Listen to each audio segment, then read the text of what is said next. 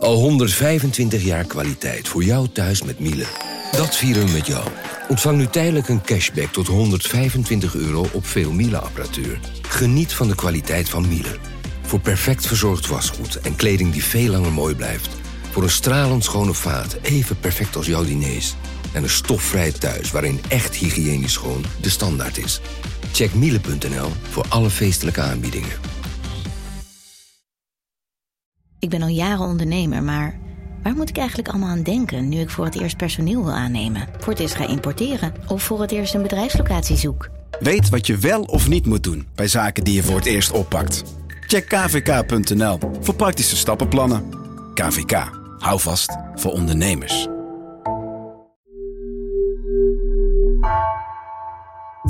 Vanaf de redactie van NRC het verhaal van vandaag. Mijn naam is Egbert Kalsen.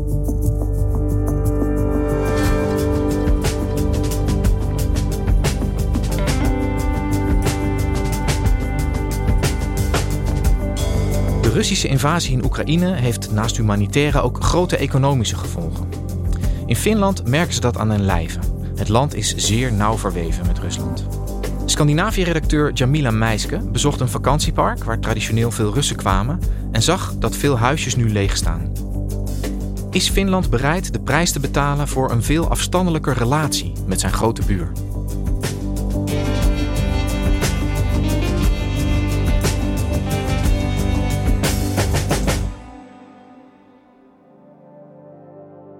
Ik was eh, in de Finse stad Savonlinna, 60 kilometer van de Russische grens, in het zuidoosten van Finland. En het is dus dichter bij Sint-Petersburg dan bij Helsinki. En het is een prachtige stad met alleen maar water. Het wordt omringd door het grootste meer van Finland, het Saimaa-meer. En je ziet heel veel uh, bossen. Het is eigenlijk de perfecte plek om lekker tot rust te komen en vakantie te vieren. Het is niet zo'n grote stad. Er wonen ruim 30.000 mensen. En um, ik had ook het gevoel dat iedereen elkaar kende. Savonlinna wordt ook wel de meest Russische stad van Finland genoemd. Of zoals de grootste Finse krant omschreef, een stad onder de oksel van Rusland. Het is een, een stad waar veel uh, toeristen op afkomen. En dus ook vooral uh, van, vanuit Rusland. En de directeur van de Kamer van Koophandel van die regio, Jari Suomalenen, die uh, bracht mij naar een golfbaan, ongeveer een half uur uh, rijden vanaf Savonlinna. In een prachtige omgeving ook. En hij bracht mij naar die golfbaan niet alleen omdat hij zelf vervent golfer is, maar ook omdat hij mij vertelde dat daar een aantal Russische vakantiehuizen staan. De Russen die hebben ongeveer 800 vakantiehuizen in die regio. En die vinden het fijn om dan in het weekend naar Savonlinna te gaan om even tot rust te komen. En in dat park zie je dus ook bijvoorbeeld uh, borden met Russische namen erop. Um, ja, je merkt dat um, de omgeving erop ingericht is om uh, Russische toeristen te ontvangen. Maar sinds Rusland Oekraïne is binnengevallen, komen de Russen niet meer naar Finland. Dat zei ook de directeur van de Kamer van Koophandel. But now, now it's totally difficult yeah. because the main tourists have been, uh, as I said, from Russian area and yeah. European uh, tourists mm-hmm. have not used so much this area. En alle huisjes die staan er eigenlijk heel erg vervallen bij. Het gras is ontzettend hoog. Er was een carport ingestort omdat de sneeuw zo zwaar was en er eigenlijk niemand was die uh, dat heeft opgeruimd. Dus veel Russen proberen nu van die vakantiehuizen af te komen en ze te verkopen. Alleen dat gaat eigenlijk niet. Jamila, dat klinkt als een, uh, een prachtige vakantiebestemming uh, bij het water en uh, in de naaldbomen. maar die Russen die kunnen daar niet meer bij, vertel jij. Hoe, hoe kan het dat die Russen hun huisjes niet kunnen verkopen en daar niet naartoe kunnen op dit moment? Nou, sinds de oorlog in Oekraïne heeft de EU natuurlijk allerlei sancties opgelegd aan Rusland. Dus het SWIFT-betalingssysteem voor internationaal betalingsverkeer um, is niet meer mogelijk in Finland. Dus je kunt eigenlijk vanuit Rusland niet meer betalen in Finland. En je hebt ook een Fins paspoort nodig om vanuit Rusland Finland te bezoeken. Dus alleen um, als je dat hebt, kun je nog uh, in Savonlinna komen. En dat hebben de meeste Russische toeristen niet. En Savonlinna is daarin geen uitzondering, want in heel Finland zie je eigenlijk dat de oorlog de handel met Rusland heeft moeilijker gemaakt. Dat heeft grote gevolgen voor de Finnen uh, en dat maakt het dus nu juist zo moeilijk. Het is um, aan de ene kant wil je natuurlijk veroordelen wat Rusland in Oekraïne heeft gedaan, maar het is lastig om daar principieel tegen te zijn als het zoveel invloed heeft op de uh, situatie in je eigen land. En ik merkte dus ook dat er in Finland heel verschillend over werd gedacht.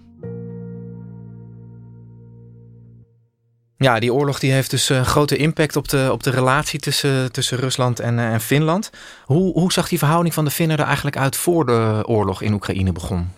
Ja, Finland is heel erg afhankelijk uh, van de Russische economie. Dus je kunt dat eigenlijk vergelijken met de afhankelijkheidsrelatie tussen Nederland en Duitsland bijvoorbeeld.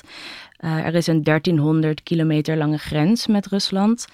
En uh, er is natuurlijk een enorme afzetmarkt. Dus um, zoals ik net vertelde, ligt Sint-Petersburg, nou, dat is een miljoenenstad, ligt ontzettend dichtbij.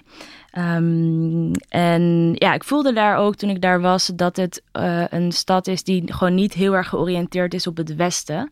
Dus mensen kunnen bijvoorbeeld niet ontzettend goed Engels. Zelfs de hoofdredacteur van de lokale krant, die sprak geen goed Engels. Een gemeenteraadslid dat ik heb geïnterviewd, daar moest echt, echt een tolk bij. En ik was ook op bezoek bij het stadhuis, bij de burgemeester van Savonlinna, Jan Helene. En hij voorziet echt een zware economische recessie voor zijn stad en eigenlijk heel Finland. Are you afraid of a recession in Finland? Economic recession, of course it will come. Yeah. And very bad. Yeah. I think the interest rate will go very up. Dus die burgemeester die ziet, uh, die ziet het somber in. Op welke manier is hij dan bang dat, dat Finland geraakt wordt? Hoe, hoe pakken die sancties dan uit voor, voor Finland volgens hem? Nou, de Russen zijn de grootste groep toeristen in Savonlinna. En tien jaar geleden zaten zij economisch, hadden ze het best wel zwaar. Uh, het is best wel een uithoek van Finland. En er was sprake van vergrijzing en het is een dun bevolkt gebied. Dus toen hebben ze die Russische investeringen en dat toerisme eigenlijk met open arm ontvangen. Dus de Russen hebben heel veel geld in het laadje gebracht. Maar ook andersom is het zo dat heel veel uh, Finse bedrijven dus uh, de Russische afzetmarkt gebruiken, omdat er zoveel mensen wonen, de grondstoffen daar vandaan halen. Dus je hebt een uh, wederzijdse afhankelijkheidsrelatie met Rusland. En um, als het bijvoorbeeld puur om de grondstoffen gaat, dan heeft 20% van de Finse bedrijven haalt zijn grondstoffen uit Rusland. En uh, wat nu ook een probleem is, is dat door de onzekerheid van de situatie in Rusland, is het ook voor andere landen niet interessant om nu in Finland te investeren.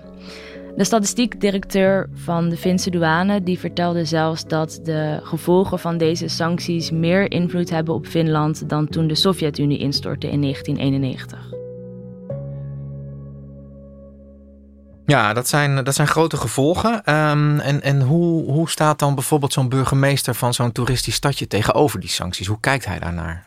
De burgemeester is in 2006 aangetreden en sinds die tijd heeft hij eigenlijk zijn best gedaan om de banden met Rusland aan te halen. Ondanks het feit dat er toen natuurlijk ook al wat berichten naar buiten kwamen dat Rusland niet altijd even democratisch is. Um, Poetin heeft in 2017 Savonlinna ook bezocht, wat best wel opvallend is, aangezien het dus niet zo'n hele grote stad is. Maar dat laat wel zien wat het belang is van uh, Savonlinna en de relatie die de burgemeester heeft met Rusland. En hij um, voorziet dus een enorme recessie voor zijn stad. In het westen zijn we natuurlijk al ontzettend afhankelijk, maar Finland merkt dat nog meer. Dus de burgemeester vindt de sancties tegen Rusland niet in verhouding met de economische gevolgen die het heeft voor Finland. Ja, want Finland wordt, wordt keihard geraakt uh, als, als, als, als buurland van, uh, van Rusland. En dan heeft de Finse regering en, en ook de Zweedse regering vorige maand ook nog besloten dat ze toe willen treden tot de NAVO, hè, tot, het, uh, tot het militaire bondgenootschap. Daar zal die burgemeester dan ook wel niet heel blij mee zijn, denk ik. Nou ja, hij zegt Finland heeft sowieso al een heel sterk leger. It will not come any military conflict because we have so strong army. Because we have this obligatory, obligatory military service. Mm -hmm. So for staff it's six months and for sub-officers and officers it's 12 months. Finland heeft een dienstplicht. Uh, je moet ofwel um, in, het, in het leger ofwel civil service doen. Uh, en anders ga je de gevangenis in. Dus uh, elke man heeft een jaar in het leger gezeten. En er is nog steeds een hele hoge moraal om je land te verdedigen en om te vechten, omdat ze weten dat ze kwetsbaar zijn. Hij vertelde mij dat hij zelf ook militaire trainingen nog elk jaar volgt. En in het stadje Savonlinna geven ze trainingen voor crisissituaties. Uh, jongeren krijgen echt in een kamp ook schietlessen. We have organized these defense courses to our young uh, people who are studying in the in the second or third class in the high school or in the professional college. Yeah. And it's very popular uh, for them. Ik heb zelf ook in de treinen vaak jonge militairen gezien. Dus je voelt echt heel erg daar. Ja, dat kan je in Nederland gewoon niet voorstellen dat de burgemeester militaire wapens heeft, wat hij tegen mij vertelde. Dus je voelt echt van mocht er iets gebeuren, dan is Finland echt klaar om in de aanval te gaan. En daarmee vindt hij dus dat zij genoeg beschermd zijn om uh, ja, de Russen tegen te houden mocht het zover komen. Dus voor die burgemeester is dat NAVO-lidmaatschap daarop niet per se een toevoeging. En het probleem met het NAVO-lidmaatschap is ook dat uh, dat structureel is. De sancties zijn nu tijdelijk, daar gaan we vanuit in ieder geval, vanwege de oorlog. Maar als jij je aansluit bij een bondgenootschap, dan zal dat voor de komende decennia zo zijn. Dus je kiest echt heel duidelijk partij voor het Westen daarmee. Dus de burgemeester is, eh, is uiterst kritisch op, op zowel de sancties als op uh, het aanvragen van dat NAVO-lidmaatschap. En hij benadrukt de hele tijd die belangrijke relatie met Rusland. Hoe, hoe denkt de bevolking daar nou over? Heel anders eigenlijk. Tenminste, de mensen die ik heb gesproken, die zijn allemaal voorstander van NAVO-lidmaatschap. Ze vinden het moreel gezien juist om uh, zich nu aan te sluiten bij de NAVO. En zij zijn eigenlijk minder bezig met die economische argumenten of de economische gevolgen die het zou hebben voor Savonlinna. Ik ben ook bijvoorbeeld op bezoek geweest bij een bierbrouwer, Petri Ventinen. En hij heeft een biertje gebrouwen en dat heet OTAN, dus het omgekeerde van NATO. Dus daarmee wil hij ook zijn steun betuigen aan NAVO-lidmaatschap. It shows that Finnish people want to show that okay, it's a good thing, and I think eight, almost eighty percent of Finnish people are supporting the joining for NATO. So, so that shows really the demand for this beer as well. Dus voor deze bierbrouwer gaat moraal boven de sancties. Hij vertelde ook dat ze een historisch trauma hebben in Savonlinna, omdat zij zich nog goed kunnen herinneren dat de Sovjet-Unie in de Tweede Wereldoorlog de stad heeft gebombardeerd. Daarbij is de grote kerk in het centrum helemaal afgebrand. En ja, dat zijn verhalen die wij, uh, net als in Nederland, van onze opa's en oma's misschien horen. Zo heeft hij dat ook van zijn oma gehoord. You know, Finland hasn't forgotten. You know, we had war against the Russians 70 years ago, and I still have my grandmother is still alive who was, you know, who has seen Savonlinna being bombed. For example, the church in the center of the town that was burned because it was bombed. So, so I think it's in uh, we all remember. Dus Rusland als, als agressor wordt door veel Finnen nog diep uh, gevoeld. En wat heeft dat nou met de houding van Finland ten opzichte van Rusland gedaan na die Tweede Wereldoorlog? Hoe, hoe hebben ze zich tot elkaar verhouden de afgelopen decennia? Finland heeft na de Tweede Wereldoorlog gedacht dat ze zich beter neutraal konden opstellen naar Rusland. Dus door zich niet aan te sluiten bij een bondgenootschap omdat dat veiliger is voor het land. Dus eigenlijk een soort van noodgedwongen, uit angst voor hun buren zijn ze dus neutraal gebleven. Wat sommige mensen als argument gebruiken, na die tijd zijn we ook nooit meer in oorlog geweest met Rusland, dus het heeft ons goed gedaan. Dus je kan het zien als dat het al die tijd niet per se een Europees land is geweest. En dat pragmatisme de boventoon voerde. En de economische belangen waren zo groot dat ze dachten: we kunnen beter ze te vriend houden en uh, een zo normaal mogelijke relatie vinden in, uh, in Rusland. Maar je ziet wel dat na de ineenstorting van de Sovjet-Unie ze zich toch hebben aangesloten bij de EU. Dus toen voelden ze zich blijkbaar wat sterker om uh, wel dus ergens partij te kiezen. En, en de, de, de Russische inval in, in Oekraïne heeft dat hele beeld natuurlijk gekanteld. Uh, uh, niet alleen in Finland, maar ook in heel Europa. Hoe, hoe is de relatie tussen Finland en Rusland nou precies veranderd sinds die inval? Ja, je ziet dat de oorlog met Oekraïne echt een identiteitsomslag heeft veroorzaakt. Dus we realiseren ons denk ik niet hoe belangrijk en hoe groot het is dat Finland nu de keuze heeft gemaakt samen met Zweden om zich aan te melden bij de NAVO. Omdat dat eigenlijk decennia lang helemaal niet aan de orde is geweest. En uh, uit peilingen blijkt ook dat bijvoorbeeld in 2017 nog maar 19% van de Finse bevolking voorstander was van NAVO-lidmaatschap. In januari van dit jaar was dat 43% En na de inval van Oekraïne is dat gestegen tot 80% van de bevolking. Dus de bevolking is massaal afgestapt van neutraal blijven. Dus je ziet dat de, dat de Finnen zeg maar, zich meer eh, met de rug naar Rusland aan te positioneren zijn. Wat, wat gaat dat nou de komende jaren betekenen, denk jij, voor Finland? Nou, Savonlinna gaat in ieder geval een hele grote problemen komen. De Russen komen niet meer. Het was ontzettend stil in de stad toen ik daar was. Ik zat op een terras, het was een prachtige dag en er was verder helemaal niemand. Dus hoewel sinds de coronacrisis de Finnen zelf wat meer op vakantie gaan in eigen land, is dat echt niet in verhouding met de aantallen die uit Rusland kwamen. De burgemeester vertelde dat hij echt een enorme economische recessie verwacht voor de stad. En dat komt natuurlijk omdat hij te dealen heeft met de sancties die er vanuit de EU worden opgelegd. Dus ziet hij nu noodgedwongen dat hij zich moet focussen op West-Europa. Dus hij heeft zijn pijlen nu daarop gericht. Maar dat geldt natuurlijk niet alleen voor Savonlinna. Dat geldt voor heel Finland. Dus Finland zal echt uh, zijn focus moeten gaan uh, veranderen.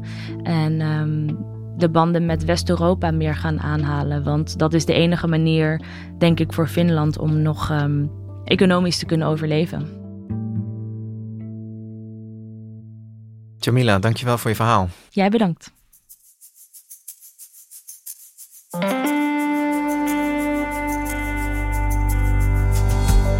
Je luisterde naar vandaag, een podcast van NRC.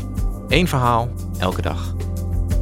Deze aflevering werd gemaakt door Ruben Pest en Marco Raaphorst. Dit was vandaag, morgen weer.